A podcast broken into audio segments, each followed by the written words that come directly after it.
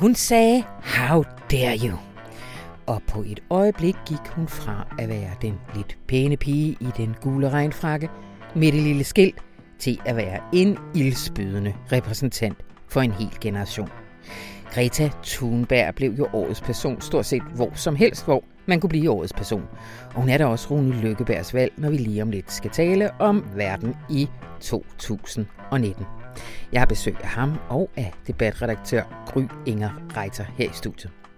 Og så i går så fik jeg besøg af vores administrerende direktør Stine Karsten Kendal.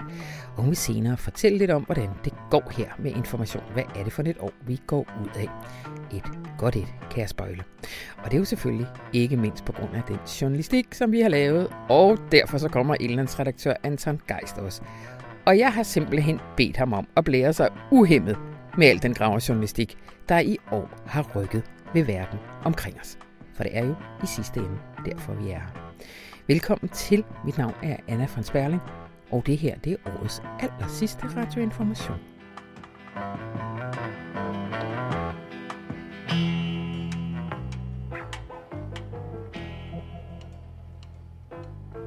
Hej Gry.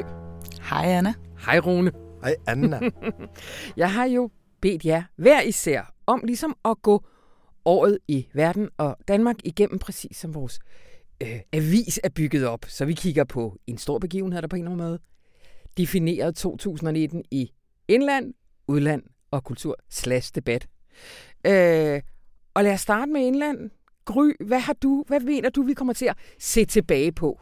Jamen, der har jo været folketingsvalg i år, som de fleste nok kan huske. og øh, nogle gange kan det jo virke som utrolig langt væk nu, fordi at højrefløjen er jo næsten forsvundet fra, øh, fra mediebilledet nu, fordi de har så meget at gøre med deres interne kampe i partierne og så videre, og nye partier og alt muligt. Men, men faktisk er det jo ikke så lang tid siden, at øh, mediefladen var fuldstændig dækket af en bestemt mand, Rasmus Paludan. Yeah øh, et, et navn, som vi alle sammen lærte at kende, i hvert fald i 2019. Altså øh, lederen af Stram Kurs. De unge havde kendt det i overvis. Ja, men, de unge ja. havde kendt det i lang tid, men vi var nogen, der øh, var lidt sent til at finde ud af, hvem det egentlig var. Ikke? Øh, men så fik vi i hvert fald også virkelig at se, hvad han, øh, hvad han var for en, og øh, fik indsamlet enormt mange øh, vælgererklæringer på meget kort tid, især efter at han havde holdt en demonstration på, øh, på Nørrebro, hvor der kom kæmpe politiopbud, og der var masser af, af ballade, og øh, så gik det rigtig hurtigt. Altså, på mindre end en uge fik han resten af vælgererklæringerne i kassen, og så stod vi lige pludselig med den her mand, som de fleste mennesker ser som relativt øh, ekstrem i forhold til, hvad vi var vant til at se, som nu altså var opstillingsberettiget til folketingsvalget, og derfor så skulle man jo også tage ham så alvorligt, at man skulle tage ham ind i partilederdebatterne, mm. og Øh, og alle var sådan lidt, hvad, hvad gør man med sådan en her mand, som jo faktisk er øh, dømt for racisme, og som altså har en anden karakter, end det vi er vant til at se i for eksempel Dansk Folkeparti. Uanset hvad man så kan mene om dem, så er det her virkelig sådan et, et skridt meget længere ud på mm. højrefløjen, som, som rigtig mange mennesker havde svært ved at se hvad, hvad vi, hvordan vi skulle håndtere. Og ja, det var, og nye øh, borgerlige skal du vel. Og nye borgerlige, selvfølgelig. Og det var så vildt, fordi, fordi Pernille Vermund og nye borgerlige, det var jo allerede blevet opstillingsberettet i 2018, og der var der rigtig mange, der talte om, hvor ekstrem øh, Pernille Vermund var. Og nu blev hun så bare virkelig overhalet på, på den front, altså af Rasmus Paludan. Mm. Og jeg synes, det var så interessant at se de partilederrunder, der var, da valgkampen blev skudt i gang, hvor at man så et, et, et øh, politisk spektrum af de partier, vi kendte i forvejen, som var utrolig enige, og som på en eller anden måde blev civiliseret i forhold til udlændingepolitikken. Fordi der kom to nye spillere, især en ny spiller, som alle havde et behov for at lægge afstand til. Altså, det var lidt øh, for mig at se et opgør med, med få-doktrinen, hvor man havde set, at få han var villig til at, øh, at øh, ofre en udlændingepolitik, der var liberal for, at han kunne have et stabilt flertal sammen med Dansk Folkeparti. Og det har vi set hele vejen op gennem nullerne.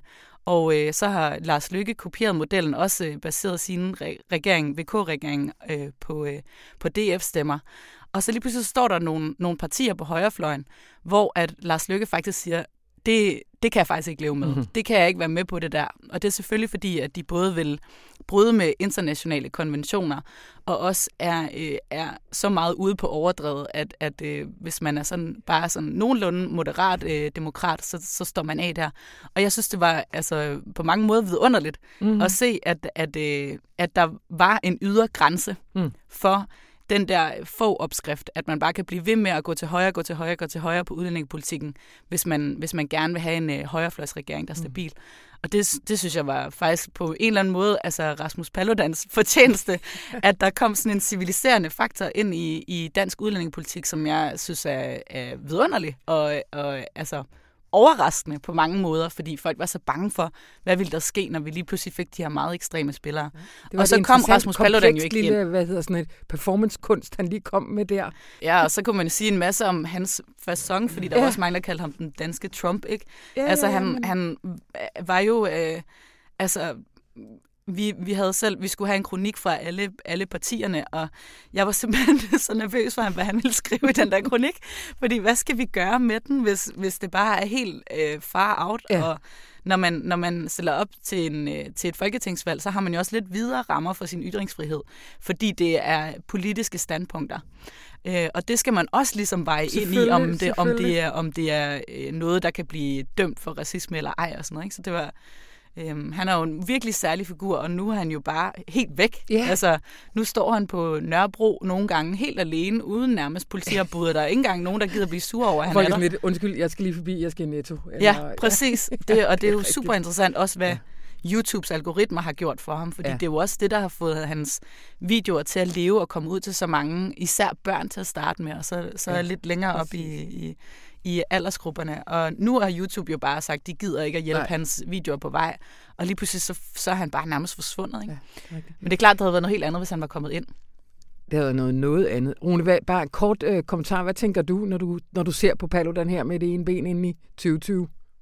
Det er jo rigtigt, hvad du siger, Gry, at pludselig så var, der, så var der opbakning til konventionerne, men det har jo ellers i 10 år været sådan, at man skulle på kanten af konventionerne. Mm-hmm. Altså, det var jo Rasmus Paludan, der gjorde konventionerne til noget heldigt i dansk politik, fordi Lars Løkke mm.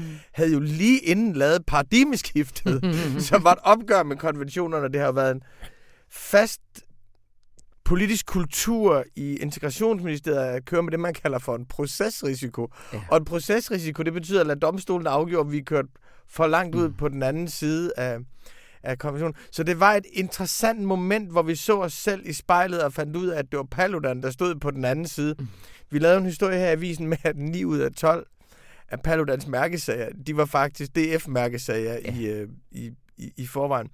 Så på den måde er jeg enig med Gry. Det var et virkelig interessant moment, og jeg synes, det var en kæmpe sejr for Danmark, at han fik lov, at politiet beskyttede ham og lod ham marchere, lod ham demonstrere. Han fik lov til at optræde alle partilederdebatter.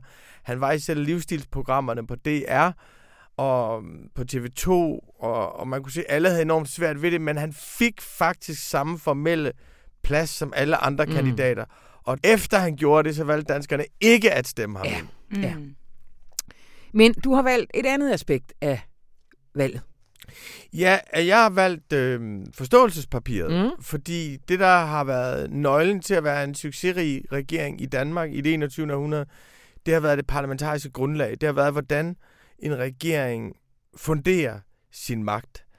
Og den eneste stærke og stabile regering, vi har haft, har faktisk været få regeringer fra 2001 til 2007, fordi han havde en ganske bestemt forståelse af sit grundlag. Mm. Få forstod, at han skulle starte al politik med at gå ud til Dansk Folkeparti, som var den del af hans parlamentariske grundlag, der lå længst fra ham. Jo med meget store omkostninger, kan man sige, for humanisme og den politiske kultur i, i, i Danmark. Men det gjorde, at han, han kunne regere stabilt. Men lige siden har vi haft meget svært ved at danne stabile regeringer i, i Danmark, og man kan sige, Lykke-regeringen både Venstre alene og bagefter med LARK, var ekstremt ustabile, fordi de ikke havde, der ikke var orden i deres parlamentariske grundlag. Hele Thornings regering var også ekstremt ustabil, fordi at Bjarne Korydon og Margrethe Vestager og Helle Thorning, de valgte at føre politik imod deres eget parlamentariske grundlag. Og der synes jeg, forståelsespapiret var en ny måde at løse det på. Altså man faktisk satte sig ned og ikke lavede et regeringsgrundlag med dem, der var med i regeringen, men et mindre forpligtende og bredere formuleret forståelsespapir med støttepartierne. Det har faktisk givet et, en ny platform, som er en enormt interessant, synes jeg, måde at udøve magt på. Mm. Men du er på det seneste blevet i tvivl om, om det er, om det, om det, er det rigtige? Nå, men altså, i første omgang må man sige, at det virker. Mette ja. Frederiksen fik det mandat, hun ville have. Altså, hun fik et mandat til at føre en meget hård udlændingepolitik og en rimelig rød fordelingspolitik, ja. og så blev hun så presset til at lave en ret en grøn politik. Ja. Så hun fik et øh, hun fik et fundament for en rød-grøn regering i, i, i Danmark, og hun fik nogle hun fik magten af dem ja. simpelthen. Så på den måde har det jo virket.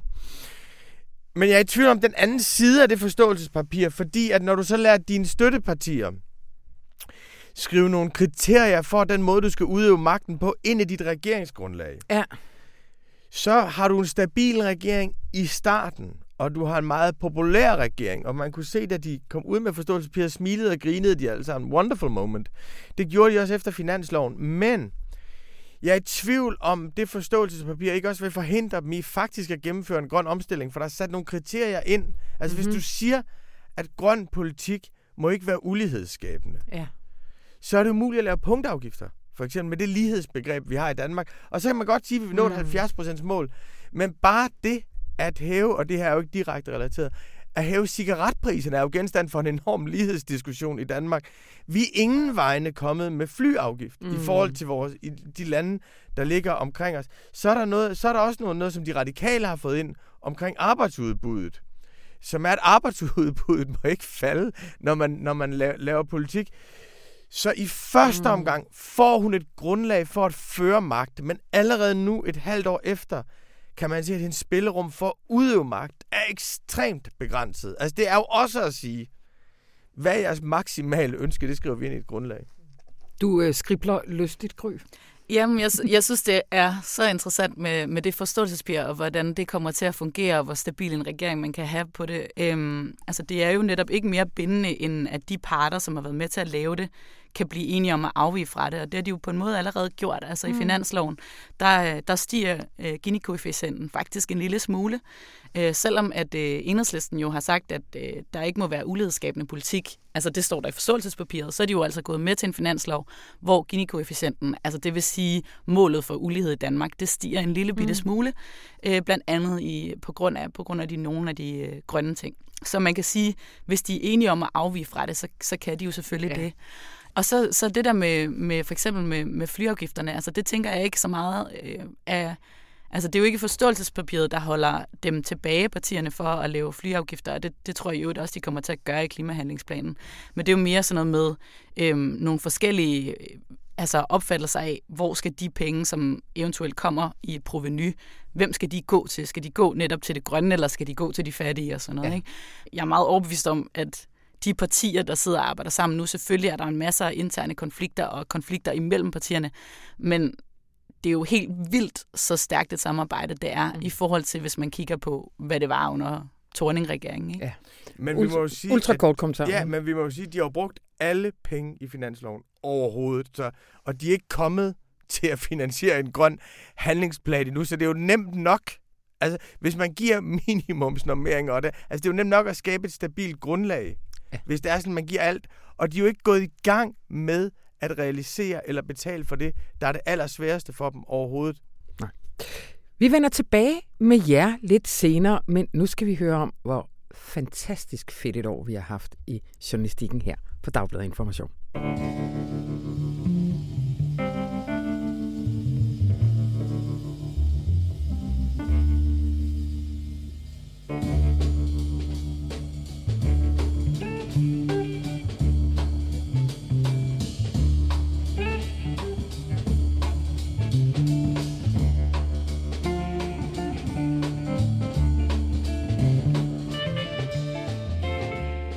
Hej Anton. Hej. Nu må vi gerne være sådan en lille smule ananas i egen mm. juice. Det er lige noget for mig. Øh, fordi det har været et ret godt journalistisk år her på Information, som er ja. sluttet med ikke mindre end to ud af fire kavling-nomineringer. Ja, det er altså storslået. er det sket før? Jeg ved det ikke. Jeg kan ikke huske, at det er sket før. Jeg synes, øh, det er i hvert fald ikke sket for os før. Nej. Øh, jeg kunne godt øh, frygte, at det er sket for DR. For det er, før. Nå, ja, okay. Ja. Men jeg mener også bare, at der skal man også måle ud, hvor mange medarbejdere ja, er der præcis. i DR per kavling-nominering nogensinde. Lige præcis, og, og igen sagt i al beskedenhed, så er vi jo faktisk den avis med den største densitet af kavling-vinder, og nu får vi måske nogle flere. Det er korrekt. Ja. Det er øh, Line Våben, som er nomineret for øh, drab øh, i Danmark, en stort sernummer moderne tider, øh, og en række artikler mm. ud over det. Og så er det den såkaldte oksekødsrapport, ja. som er fra dit hold mm. nede på Indland. Ja. Ja, det er jo en ungdommelig trio. Ja. Øh, Martin Ban, Louise Drivsholm og Lasse Skov Andersen, mm-hmm. Som jo har lavet den her historie, som har fået ret meget omtale ja. om oksekødsrapporten på Aarhus Universitet øh, hvor de jo afslørede sådan lag for lag, hvor meget indflydelse landbrugslobbyen og kødindustrien mm. havde på udarbejdelsen af en rapport, som skulle handle om klimaaftrykket fra oksekød. Og det viste sig, at øh, det var så massivt, øh, at, øh, at landbrugslobbyen og kødindustrien ligefrem havde skrevet hele afsnit i rapporten. Ja, ja. Og den er jo ikke så god. Øh, og det afslørede de her journalister, og sidenhen øh, har de så afsløret andre omstændigheder mm. omkring tilblivelsen af rapporten, og er nu i gang med at afsløre andre sager mm. på samme universitets øh, afdeling. DCA hedder den afdeling, hvor det her er foregået. Ja. Og det man kan sige, der er fælles for de, øh, hvad skal man sige, synes jeg, store satsninger, der har været ja. på graverredaktionen i år, det er, at det har fået direkte konsekvenser Ja, det må man verden, sige. Ikke? Altså, øh, den her oksekødsrapport fik jo relativt hurtigt øh, konsekvenser. Øh, rektoren gik ind i den, og hvad hedder det, institutlederen blev fjernet, og de tilbagekaldte rapporten, og Landbrug og Fødevare tilbagebetalte nogle af de midler, de havde mm. søgt i en fond til at udarbejde den her rapport. Der blev lavet nye retningslinjer, og Aarhus Universitet iværksatte en undersøgelse de sidste fem år tilbage ja. af alle eksternt finansierede rapporter, og det har sådan virkelig sendt chokbølger gennem øh, det danske forskningsmiljø, det her. Så ja. det har bestemt øh, haft konsekvenser, ja. det må vi sige. En anden sag, som kan gøres nærmest op i kroner og øre, det var den pensionssatsning, øh, ja. som, ja. som I havde i starten af året. Ja, øh, ja. Øh, ja den øh, er vi altså også rigtig glade for. Den mm. er jo så ikke nomineret til Kavling, men vi synes, den er rigtig god alligevel. Det var et projekt, vi lavede, hvor øh, Bo Elke er også kendt som skipper her mm. fra redaktionen, og Sebastian Gerding og Lasse Skov Andersen. Øhm, ligesom de, det lykkedes dem at lave det første sådan overblik, der nogensinde er blevet lavet over de 17 største danske pensionsselskabers aktieinvesteringer. Og så lavede de også, hvad der var ret smart, et overblik over, hvad for nogle øh, selskaber, som pensionsselskaber investerer i, som er problematiske, defineret på den måde, at et eller flere pensionsselskaber har sortlistet dem. Ja. Og så kørte vi de her lister op imod hinanden, og så kunne vi se, nogle pensionsselskaber havde sortlistet for eksempel det store øh, og meget kontroversielle olieselskab Exxon, mm. men andre havde investeringer i Exxon, og så kunne vi ligesom gå til dem og sige, hvorfor har I de her investeringer, som andre pensionsselskaber altså synes er problematiske. Ja. Og øh, der fik vi afdækket, synes jeg, rigtig vigtige og væsentlige historier om, hvordan vores allesammens pensionspenge er investeret i virksomheder, der leverer dele til atomvåben og leverer Ja, der var den med pædagogerne og atomvåben, den synes jeg. Ja, den med pædagogerne, pædagogernes pension ja. havde faktisk nogle relativt store investeringer i øh, mere eller mindre direkte, måske indirekte i atomvåben. Ja. Øh, og det var noget, som øh, pædagogerne ikke kunne leve med. Ja. Øh, så de endte faktisk med at frasælge deres, øh, deres investeringer i de her atomvåben.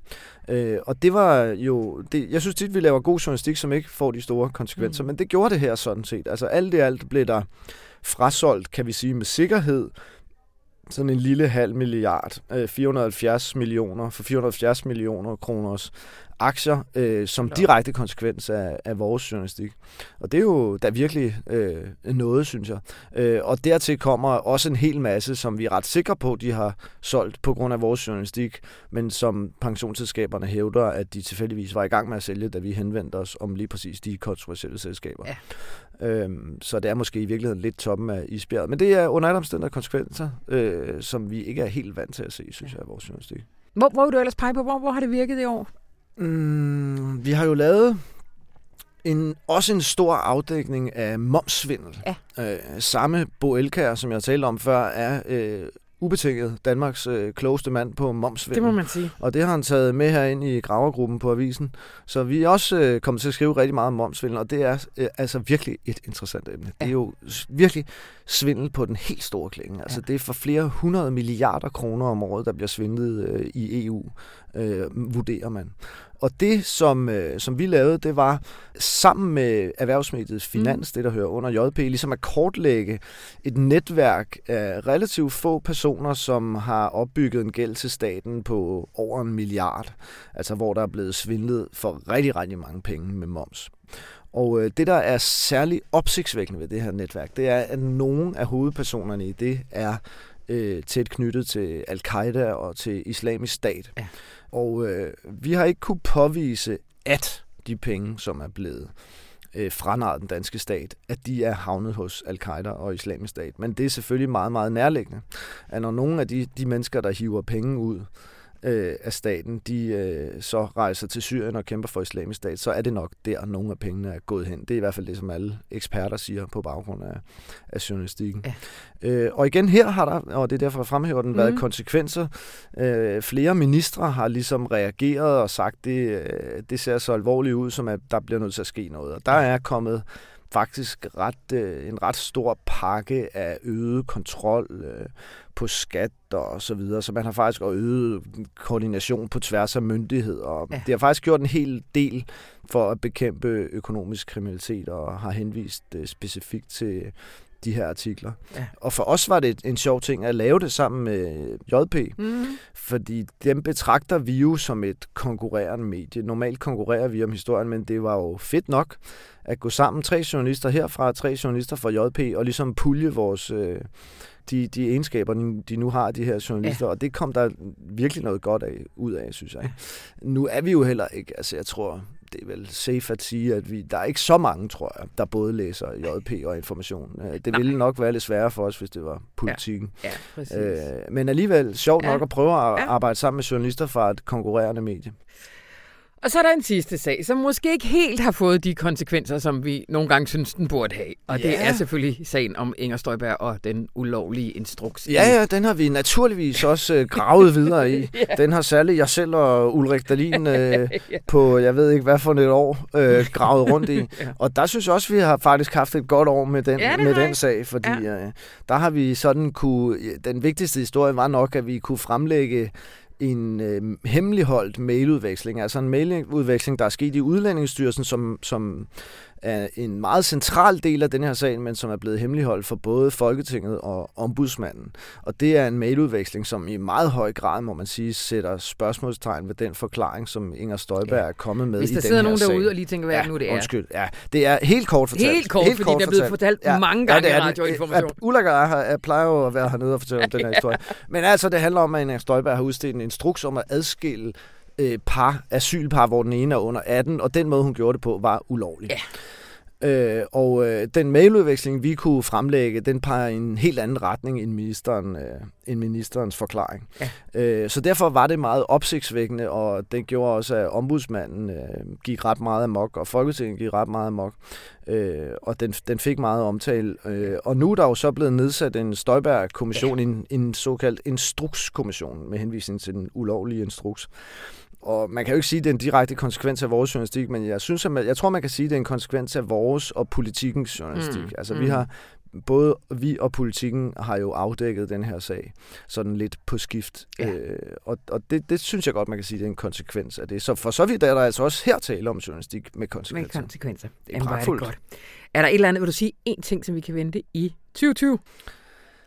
Ja, jeg tror da godt, jeg kan tør at sige, at øh, vi kommer til at lave noget undersøgende på klimaet.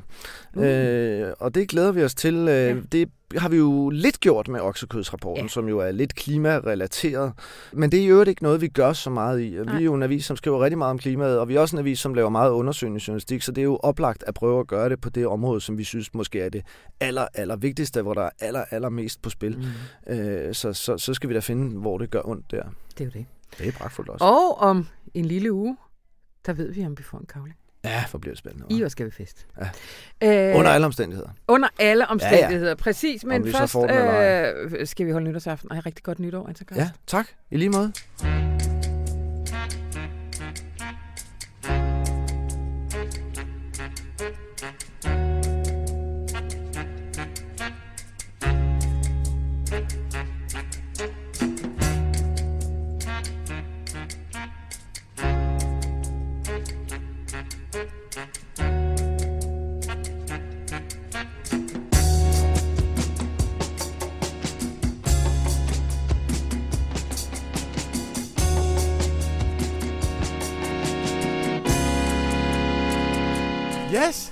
Så er jeg tilbage her med Gry og Rune, og nu skal vi kigge ud i den store verden. Rune, vil du starte den her gang? Yes, jeg synes, det moment, jeg vil huske tilbage på fra 2019, ude i den store verden, det var Greta Thunbergs tale til FN's klimatopmøde i New York den 26.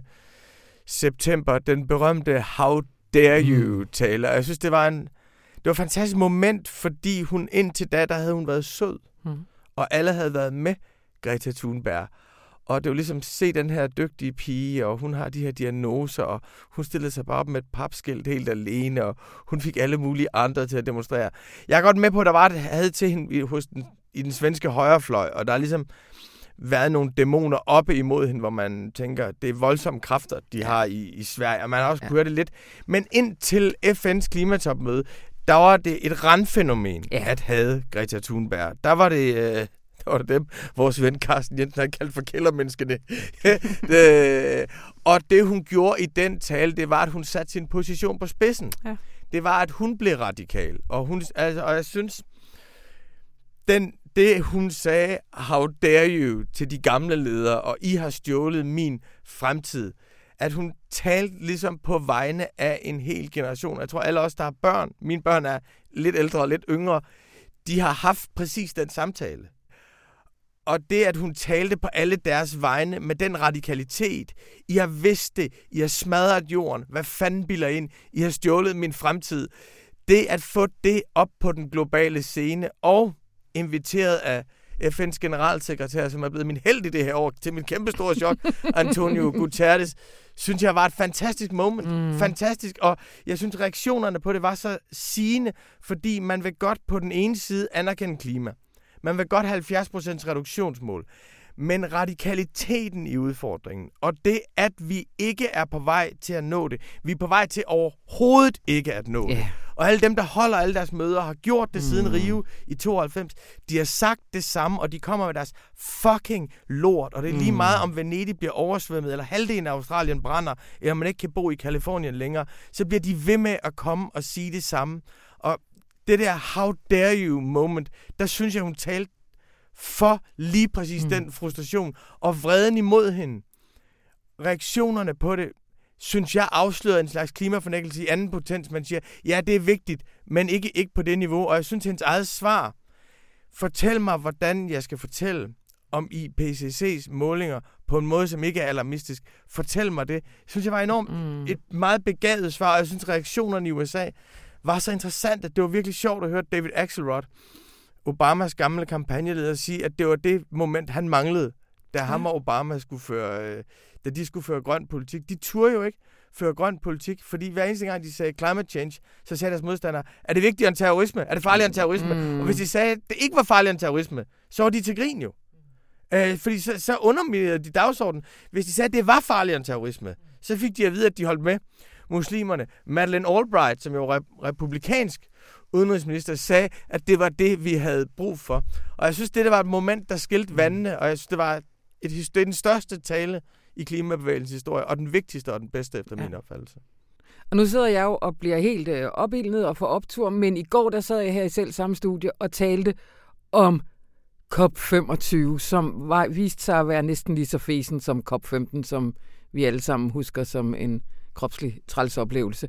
Altså, det er jo det, vi lige nu i selv samme FN-regi, kunne de ikke komme frem til noget som helst her i sidste uge. Jamen, det er jo netop derfor, altså ja. den der, det der evindelige tusind mennesker flyver ind fra præcis. hele verden, og de fineste mænd og kvinder, og de snakker og snakker. Det er jo præcis det der moment. Altså, det var en replik til alt ja. det lort. Ja. Og det var en ungdomsgeneration, der, der, der talte for det, og satte det på spidsen på en måde, som var stærkt, stærkt ubehagelig. Ja. Men jeg synes netop, den står som et... Altså, hvis Martin Luther Kings I Have a Dream tale, det ligesom var de store borgerrettigheders fremskridtstale, så det her var, vi lever i et mareridt tale, som vi har brug for.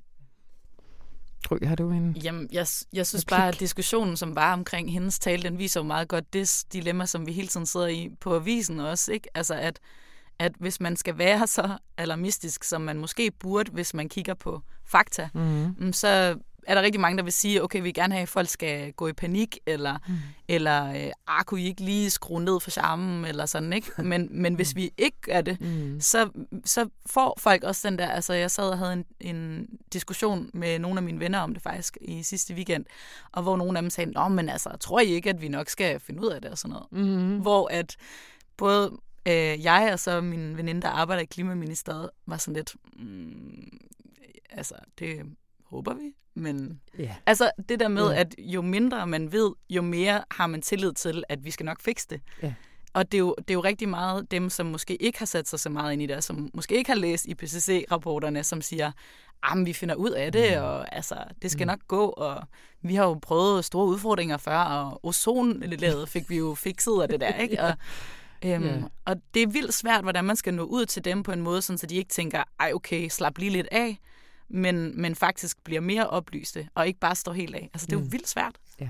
Og jeg synes, at det understreger også noget andet, som vi bliver ved med at tale en del om og skulle forholde os til, det er, hvordan taler man egentlig om klimakrisen? Altså, mm. fordi du kan jo... Det er jo et politikområde på, på linje med alle mulige andre. Det er det formelt, og det er en del af finansloven samtidig med, at det bryder fuldstændig vores sprog og vores forestilling mm, om verden. Mm. Hele vores forestilling om verden, alle vores kapitalisme, konservatisme, liberalisme, alle socialisme, never forget, hvad det? Men alle vores politiske verdensbilleder er jo dannet ud fra en forestilling om, at det eneste, der betyder noget, det er forhold mellem mennesker. Yeah. De handler om at regulere mm. menneske-menneske, menneske-mennesker, og fællesskaber. Det er hele vores politiske teori. Det er derfor, at alle de intellektuelle ikke har talt om klima i de sidste 50 mm. år. De talt meget, meget lidt om det, fordi det passer ikke i vores måde at se verden på. Vores forestillingsverden er jo sådan, at hvis naturen er en kraft, der truer mennesket, så er det fantasy eller lort. Mm. Hvorimod at, at, at, at udgangspunkt for al god litteratur, mm. det er, at verden er mekanisk, og naturen er regelmæssig. Så så hvordan taler vi om det? Hvordan forestiller vi os? Hvordan laver vi fortællinger om det? Det synes jeg, at hun sat på spidsen i den tale, så min forestillingsverden er ikke det samme efter den tale. Mm.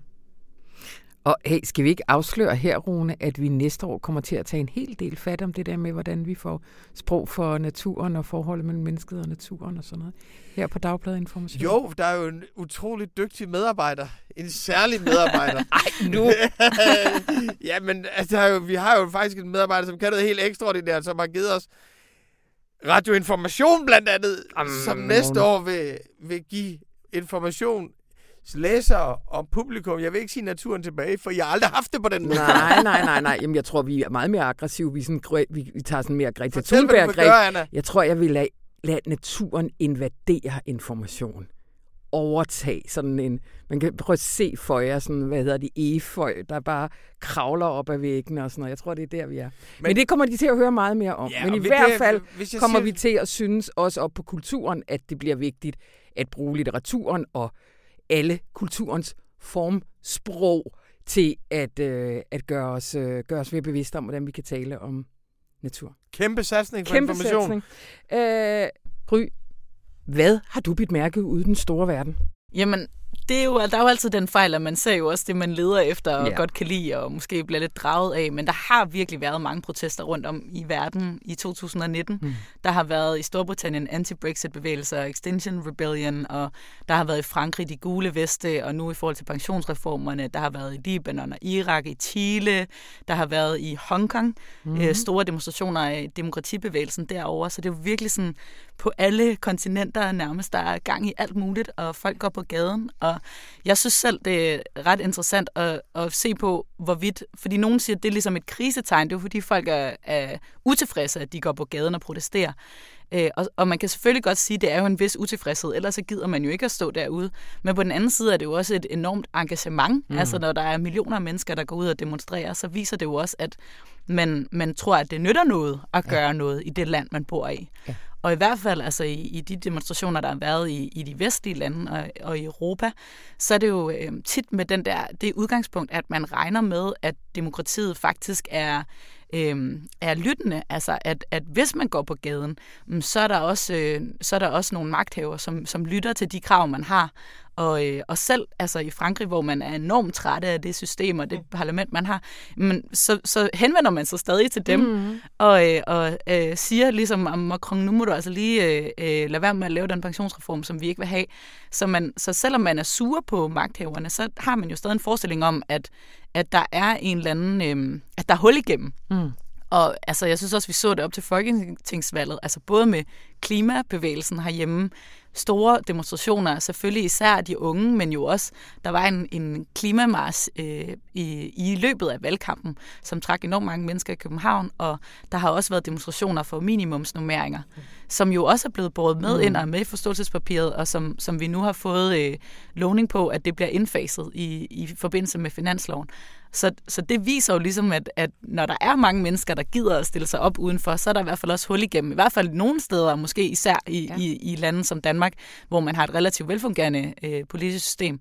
Men jeg synes bare, det er interessant at se det som et, som et fænomen, der ikke kun er et krisetegn, også et tegn på ressourcer og øh, håb for, at det kan nytte noget og, øh, og stille sig ud på gaden. Og så kan man selvfølgelig sige, hvor meget håb er der for øh, demonstranterne i Hongkong, og det, det, er jo et, øh, det er jo et meget åbent spørgsmål, og i hvert fald så ja, så er der jo så mange ting, der, der er trist ved, hvordan man kan se, at øh, Kinas øh, økonomiske magt holder de vestlige ledere fra at bakke op om noget, som er de principper, de selv mm. altså, de ligesom hylder i deres egen lande, ikke? Ja. Altså borgerrettigheder og øh, retsstaten og så videre. Ja. Og det er jo utroligt trist, det er klart. Det er det. Ja, Rune? Jamen noget, som jeg synes er helt utroligt ved det der, de der uprisings, det er, at de finder jo sted i mange lande, hvor man tænker, at det er ubegribeligt, at de kan have den optimisme i forhold til demonstrationen. Ja. Altså, ja. i Irak, det land har været totalt smadret, efter man fjernede diktatoren og nedbrød deres retsstat og hele deres effektive administration, og så fik de borgerkrig og IS i stedet for. Nu har de mod og optimisme til at stå og demonstrere igen, og har gjort det i månedsvis i Iran, hvor min kone kommer fra, så derfor er min familie jo delvist iransk. Der fatter jeg simpelthen ikke deres mod, at de har haft de største demonstrationer i den iranske republiks 40-årige historie, og der er ingen af de demonstrationer, der har været hidtil i den islamiske republik, som har bragt noget som helst positivt. Øh, I Latinamerika, Chile, Colombia, Ecuador, har vi også set oprør, og det er så interessant, synes jeg, og på sin vis opløftende, at man efter det totalt fejlslagende arabiske forår, og efter det må vi desværre sige, i det store hele fejlslagende socialistiske eksperiment i Latinamerika, der er der stadigvæk en grundlæggende tro på, at man ved at marchere mange mennesker sammen, kan skabe en bedre verden. Og årsagen til de demonstrationer er jo vidt forskellige fra land til land, men de har én ting til fælles, det er, at de tror på demonstrationen som politisk metode. Ja. Mm. Sidste år fra nu, nu skal vi lige høre en lille smule sådan om vores helt egen lille økonomi her på Information.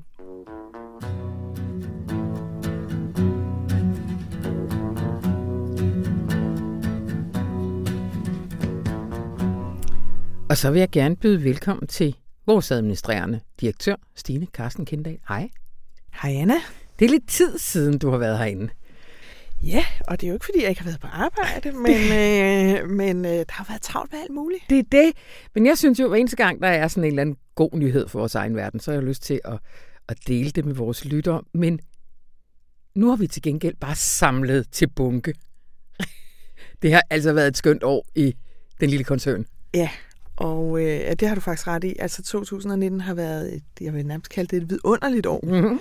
Og øh, det startede rigtig godt med, at vi fik rigtig mange abonnenter i starten af 2019. Tidligt på året, der strømmede det til, og de er faktisk blevet hængende. Ja. Så øh, gennem hele året har vi fået flere abonnenter, og også øh, holdt fast på dem. Så vi nærmer os 23.000 abonnenter 23.000. Hvad, hvad er det historisk forstand information? Ja, det er sådan, at øh, det har vi nok ikke haft været nærheden af siden starten af 1990'erne. Nej. Og hvis man ser sådan tilbage, jeg har kigget på opsitskurven øh, sådan de sidste 50 år, og, øh, og der havde vi nogle gode år i 70'erne, mm. og så gik det ned ad bakke. Og det der med at være helt op på 23.000, det er ikke mange gange, vi har prøvet det i de sidste 30 år. Så det er vi rigtig glade for, og vi er jo mhm. særligt glade for det, fordi vi kan se, at folk også læser avisen. Ja. Og øh, de taler også meget til os om den, og, øh, og de holder altså fast på den. Mm. Noget af det, der også har været super godt i år, det er, at der er rigtig mange, der har prøvet avisen. Den måde, vi sælger information, det er, at vi siger, du kan prøve en måned gratis. Mm. Det er der 40.000, der har gjort i år. Mm-hmm. Og det er faktisk rekord. Jeg ved ikke, okay. hvornår vi sidst har haft så mange, som gerne vil være med. Hvad, så, hvad tror I, øh, hvad, hvad, hvad, hvad er jeres bud på forklaringer?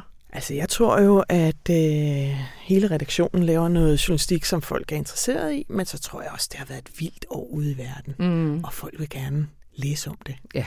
De vil gerne være med, de vil gerne øh, blive klogere, ja. og så har det jo været valg i år. Det betyder også noget. Ja, der har været valg i Danmark, og der har været kæmpe klimademonstrationer og, og store forandringer. Ja. Og, øh, og der, helt, der håber jeg, at det er fordi folk tænker, at det kan læse om information, ja. at de kommer til. Så vi kan i hvert fald se, at det er det, der er sket. Ja. Og, øhm, Hvad betyder det for vores økonomi? Jamen, det betyder jo, at vi kommer til at tjene flere penge i år. Ja. Og det øh, prøver vi jo så at bruge de penge til at lave noget mere journalistik. Øhm, så vi har faktisk skruet lidt op, mm. øh, også for antallet af redaktionelle serier og alt muligt andet. Ja. Fordi vi havde jo et anderledes år sidste år, hvis man er fast lytter, så, øh, var, så det jo ikke lige så godt ud i slutningen af sidste år. Vi havde en stor fyringsrunde og sådan, altså... Det er faktisk heldigvis to år siden. Det er to år siden, er det rigtigt? det gik faktisk meget godt sidste år også. så det er heldigvis to år siden. og så siden da er, er der, har vi heldigvis fået flere abonnenter, og de er, mange af dem er digitale abonnenter. Ja. Dem tjener vi jo ikke helt så mange penge på som papirabonnenterne, men vi har så også været svineheldige i år sammen med alle de andre øh, redigerede medier. Vi har nemlig fået en digital nulmoms. Ja. Det var det sidste, Lars Løkke gennemførte, inden han udskrev valg. Og øh, det er vi mange, der er taknemmelige for, for det betyder, at den nulmoms, der altid har været på papiravisen, den er også nu på den digitale avis. Ja.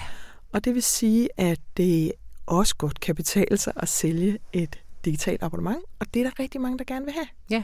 Også mange yngre mennesker. Mm. Og øh, nogle af de ting, vi hører, når folk ser avisen op, det er jo, jeg kan ikke holde ud og bære papiravisen ud hver dag. Mm. Og så siger vi til dem, du kan også få den digitalt. Ja. Og det er der så heldigvis mange, der gerne vil. Det har vi faktisk også gjort noget andet med i år. Vi har mm. lavet nogle nye typer abonnementer. Ja. Og det er også noget, som vi er ret spændt på. Vi har lavet en mulighed for, at du kan købe vores klima-abonnement. Ja. Så læser du alt det, vi har skrevet om klima, og, øh, og få et særligt nyhedsbrev på det og så koster det ikke så mange penge som at holde hele visen. Nej. Så har vi også lavet det, der hedder miniatyr, hvor du bare får tre historier om dagen fra information, og et lille overblik over, hvad der sker i verden. Som er en app. Som er en app, en såkaldt app, ja. som du downloader på din mobiltelefon. Ja. Og det er jo også ud fra et forsøg på at sige, hvis du ikke vil læse hele avisen, så kan du godt få lov at købe noget af den. Mm. Og, øh, og det kan være, det er den journalistik, du gerne vil have. Ja vi ved ikke, om det kommer til at virke. Vi ved ikke, om, øh, om næste år, når vi sidder her, om det er noget, mange har prøvet, eller få har prøvet.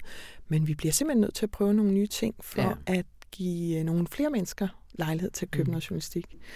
Og det er jeg også virkelig glad for, at det lykkedes os at få på gaden i år. Ja. For det er svært at lave sådan noget nyt, når man har lavet avis i 74,5 ja, ja, ja. år. Øhm, på den samme måde stort set. Hvordan er det? Er det egentlig tjent? Vi tjener stadigvæk, tjener vi mest på avisen, eller hvad, hvad, ja, hvordan hænger vores vi økonomi? tjener stadig mest på dem, som er så venlige at blive ved med at holde vores papiravis seks dage om ugen. Ja. Øh, men efterhånden, så kravler det deroppe af, sådan at, øh, at den digitale omsætning øh, vokser, og, og også gør, at vi kan gøre nogle nye ting, og det er jo den, der vokser. Ja. Fordi det er dem, der kommer flere af, det er de digitale abonnenter. Og, og det gør så, ja, at vi kommer til at tjene flere penge i mm. år, end vi gjorde sidste år. Men vi tjener også penge på alt muligt andet end, øh, end, end information, ikke? Det gør vi heldigvis, øh, og det er jo også for at, at være med til at investere i journalistikken. Heldigvis har vores annoncesalg været udmærket i mm. år. Øh, ikke prangende, det har det jo aldrig været på information, men ganske godt. Og jeg tror måske også, der er nogle annoncører, som tænker det der med at annoncere på Google og Facebook og alle de steder, hvor du ikke rigtig ved, hvad du står ved siden af. Ja. Det er meget fint men det er også meget rart at komme i en avis med noget godt indhold omkring sig. Ja. Og så har vi haft nogle fantastiske bestseller på vores forlag, ja. som jo er et lille forlag, som laver seriøse bøger, og det bliver man ikke altid rig af.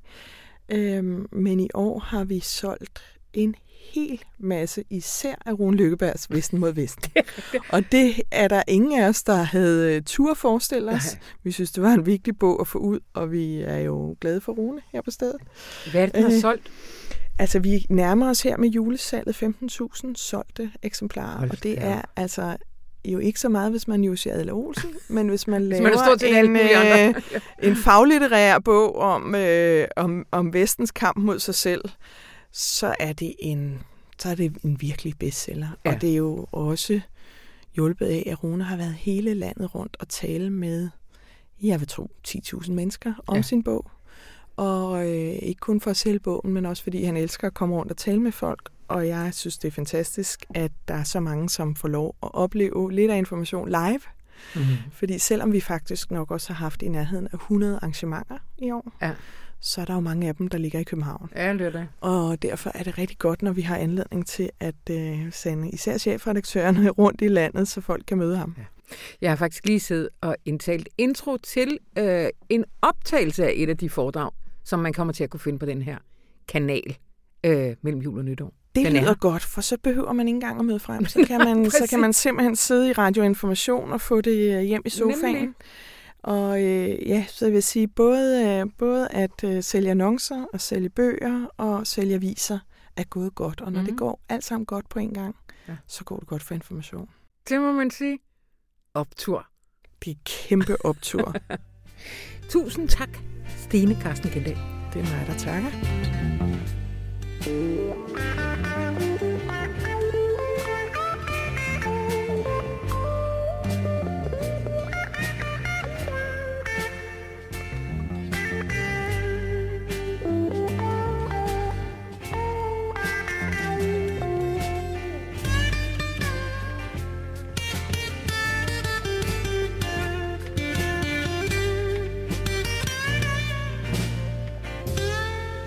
og så er jeg tilbage med Rune og Gry.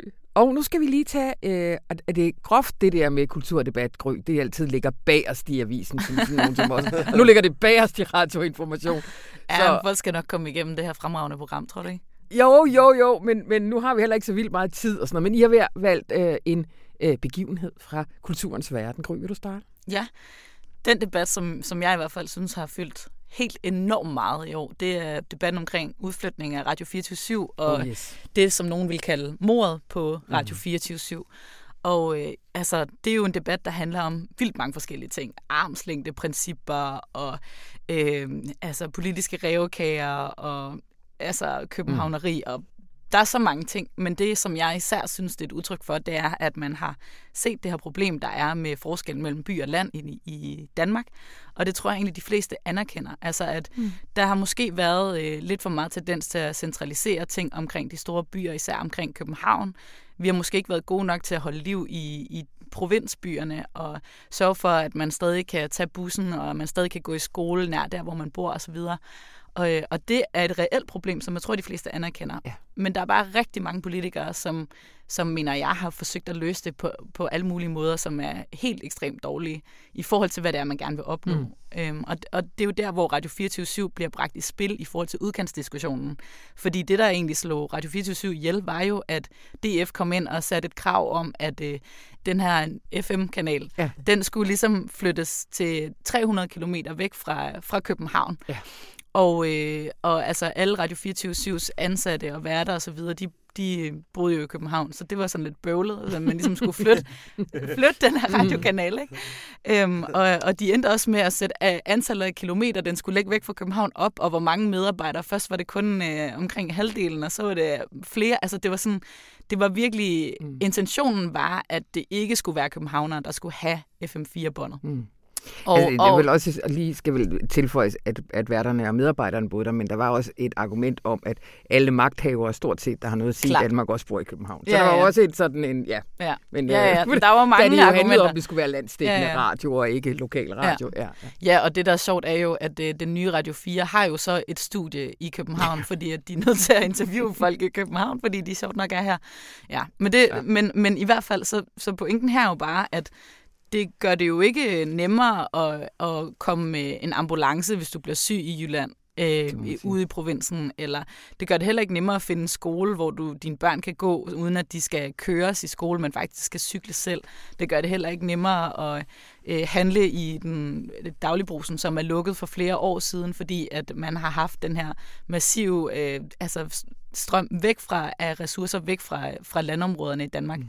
Så det, det, der er det der med, hvor man får lavet radio fra, det er fuldstændig ligegyldigt i den sammenhæng. Ja. Øhm, og det, derfor synes jeg, at det er jo sådan helt utrolig trist, altså, at, ja. det, at, det, at man har brugt det, den her radiokanal symbolsk for ligesom at sige, nu har vi givet noget til, til, til jyderne. Det har man jo ikke. Altså, der er jo stadig enormt mange problemer med, at man ikke kan, altså, man kan ikke have et helt liv ude på landet. Man er nødt til at flytte ind til byerne næsten, ikke? Og ja. der er en masse ting, der, der er uattraktive, fordi man har trukket øh, de offentlige arbejdspladser og uddannelsessteder og sådan noget væk fra provinsen. Ja. Så det er jo der, man skal sætte ind, i stedet for at flytte rundt på nogle radiokanaler, i hvert fald efter min mening. Det er det. Rune, har du en tanke? Bare, øh, nu har jeg en stor del af familien i Jylland, og jeg vil sige, for min familie i Jylland, der bekræftede den offentlige alarm omkring udlukningen af Radio 24 som ligesom øh, Medie Danmarks genuine Diana-moment. Det bekræftede, at, øh, at der er meget stor forskel på deres virkelighed og vores. Ja. ja. Godt. Og hun, du har valgt noget andet, som øh, er en virkelighed et helt andet sted. Se det et andet sted fra. Ja, nej, men det var, jeg var inde og se øh, den film, der hedder Three Faces på engelsk, og som hedder Tre Kvinder på dansk af den iranske filminstruktør Jafar Panahi. Mm-hmm. Det er ham, der har lavet Cirklen, som nogen måske kan huske fra 2000. Og det er en fantastisk god film, som handler om instruktøren og en kendt skuespillerinde, som rejser fra Teheran ud i provinsen. Og øh, fordi de har fået et de har fået en optagelse fra en mobiltelefon af en pige, der har taget sit eget liv. Og hun appellerer til skuespilleren om at komme og redde hende. Mm-hmm. Og så rejser de, forlader de Teheran og rejser ud i bjergene og kommer op i det nordlige Iran, tæt ved den tyrkiske grænse, hvor Panahi selv kommer fra. Og det er en ufatteligt god film. Altså, den har sådan det der lavmælte, rolige, men intens dramatisk, som iransk film har. Men det, der gik op for mig, da jeg så filmen, det var, hvor meget mere åbent og ambitiøst iranerne kan fortælle deres film fordi de ikke har alle de der stjerner, vi har. Altså, når vi ser en film, så er det jo altid, når man... Selv Apocalypse Now, som jeg også har set igen, mm-hmm. det er man tænker, gud, det er den unge Harrison Ford, og nej, det er Martin Sheen, og det er Robert Duvall. Altså, vi har det der... Vi har skudt den der millionærklasse ind imellem os og oplevelsen. Det næste er, at alt, hvad de oplever, ved man jo godt, hvad er. I vores film, i filmverden, der ved vi jo godt, hvad der er. Vi kender godt udfaldsrummet. I den der, der aner man overhovedet ikke, hvad der sker, og man kommer længere og længere væk fra den almindelig fortælling og fra almindelige skæbner. Og instruktøren, som selv spiller med i den, taber det hele undervejs, og alle skuespillerne er, er amatører, og de finder sig frem til hende pigen der, som har appelleret til dem om at komme. Og hun har ikke begået selvmord. Hun vidste bare, at det var kun ved at lade som om, at hun havde slået sig selv ihjel. Hun kunne give dem dårlig samvittighed nok til at opsøge deres virkelighed. Så de kommer ud, og så finder de hende. Og så laver de en kontrakt med hende, som jeg ikke vil afsløre her, men en kontrakt mellem, øh, som bliver til en kontrakt mellem tre generationer af kvinder om at opdage Iran på en, på en anden måde. Men da jeg så filmen, der oplevede jeg noget, meget sjældent oplever, nemlig at for hver 10 minutter var jeg rystet over det, der var sket. Mm. Og det gør jeg aldrig i, uh, i, i vores verden. Ja, der gik det op, og jeg tror, det skyldes, at der er så mange penge i vestlig film, og der er så mange meget industri omkring det, der er så ekstremt begrænset et rum. Så det var et enormt enormt rum at se den film. Mega fedt. Og kan man stadigvæk se den? Ja, den går stadigvæk i Øst for Paradis i Aarhus og i Grand i København. Optur. Optur. Uh, det bliver det sidste, vi når for i år. Tusind tak, Gry Inger Reiter, debatredaktør, og Rune Lykkeberg, chefredaktør. Og have et rigtig godt nytår. I lige måde. Happy New Year til dig, Anna.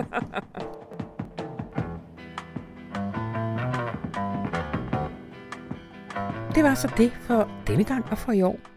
Husk, at du kan finde optagelserne af Rune Lykkebergs foredragsturné Vesten mod Vesten her på den her kanal. Og ellers er der bare tilbage at sige tak for i år. Det har glædet mig helt usigeligt, at I har lyttet med. Og det håber jeg, I vil gøre næste år. Og vi er tilbage næste fredag. Mit navn det er Anna von Sperling, og det her program det var redigeret af Astrid Dynesen. Ha' et rigtig godt nytår.